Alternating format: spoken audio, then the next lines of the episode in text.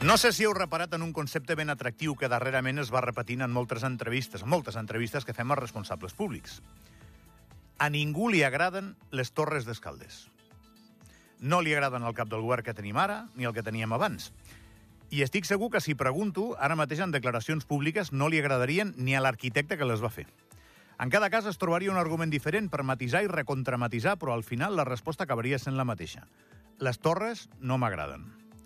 I és que tots aquests edificis alts que ens han fet entrar per la Porta Gran en els skylines de les ciutats de muntanya del món han arribat en molt poc temps i en molta quantitat i tenen un gran impacte visual.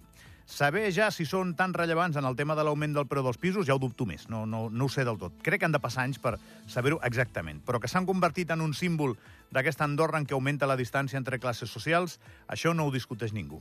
Les torres són un símbol, i si aquí hi hagués una revolució bolxevic, que no n'hi haurà cap, no patiu, seria on entrarien en tromba els revolucionaris com ho van fer al Palau d'Hivern de Sant Petersburg, eh? el 1917. I l'objecte de l'editorial és ben senzill, diàfan del tot. Qui les vol, les torres? Qui les defensa? Qui seria capaç de venir a la ràdio a argumentar que són bones pel país? I ja us dic jo ara mateix que a dia d'avui no trobaríeu ningú que defensi les torres al 100%. Com a molt et diran que amb la cessió de terreny corresponent en ser edificis molt alts, el comú eh, ha tret calés i espais públics. Com a molt et dirien això i t'ho dirien fluixet i amb la boca petita. Com quan eres una criatura i no li portaves la contrària als pares.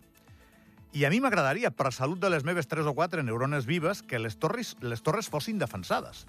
Fonamentalment perquè m'ataca molt més pensar que haurem plantat allà Escaldes un munt d'edificis enormes i ara ningú és capaç d'explicar-me molt bé per què. En la meva vida, un munt de cops he hagut de demanar perdó per coses que no m'han acabat de sortir com jo voldria. La major part de cops, fruit d'errors de càlcul o de rampells alimentats pel temperament. I llavors acabes dient, i probablement d'acord, eh? Ups, eh? perdó, ho sento. I imagino que no deu ser fàcil dir, ups, ho sento, per quatre o cinc edificis de més de 20 plantes.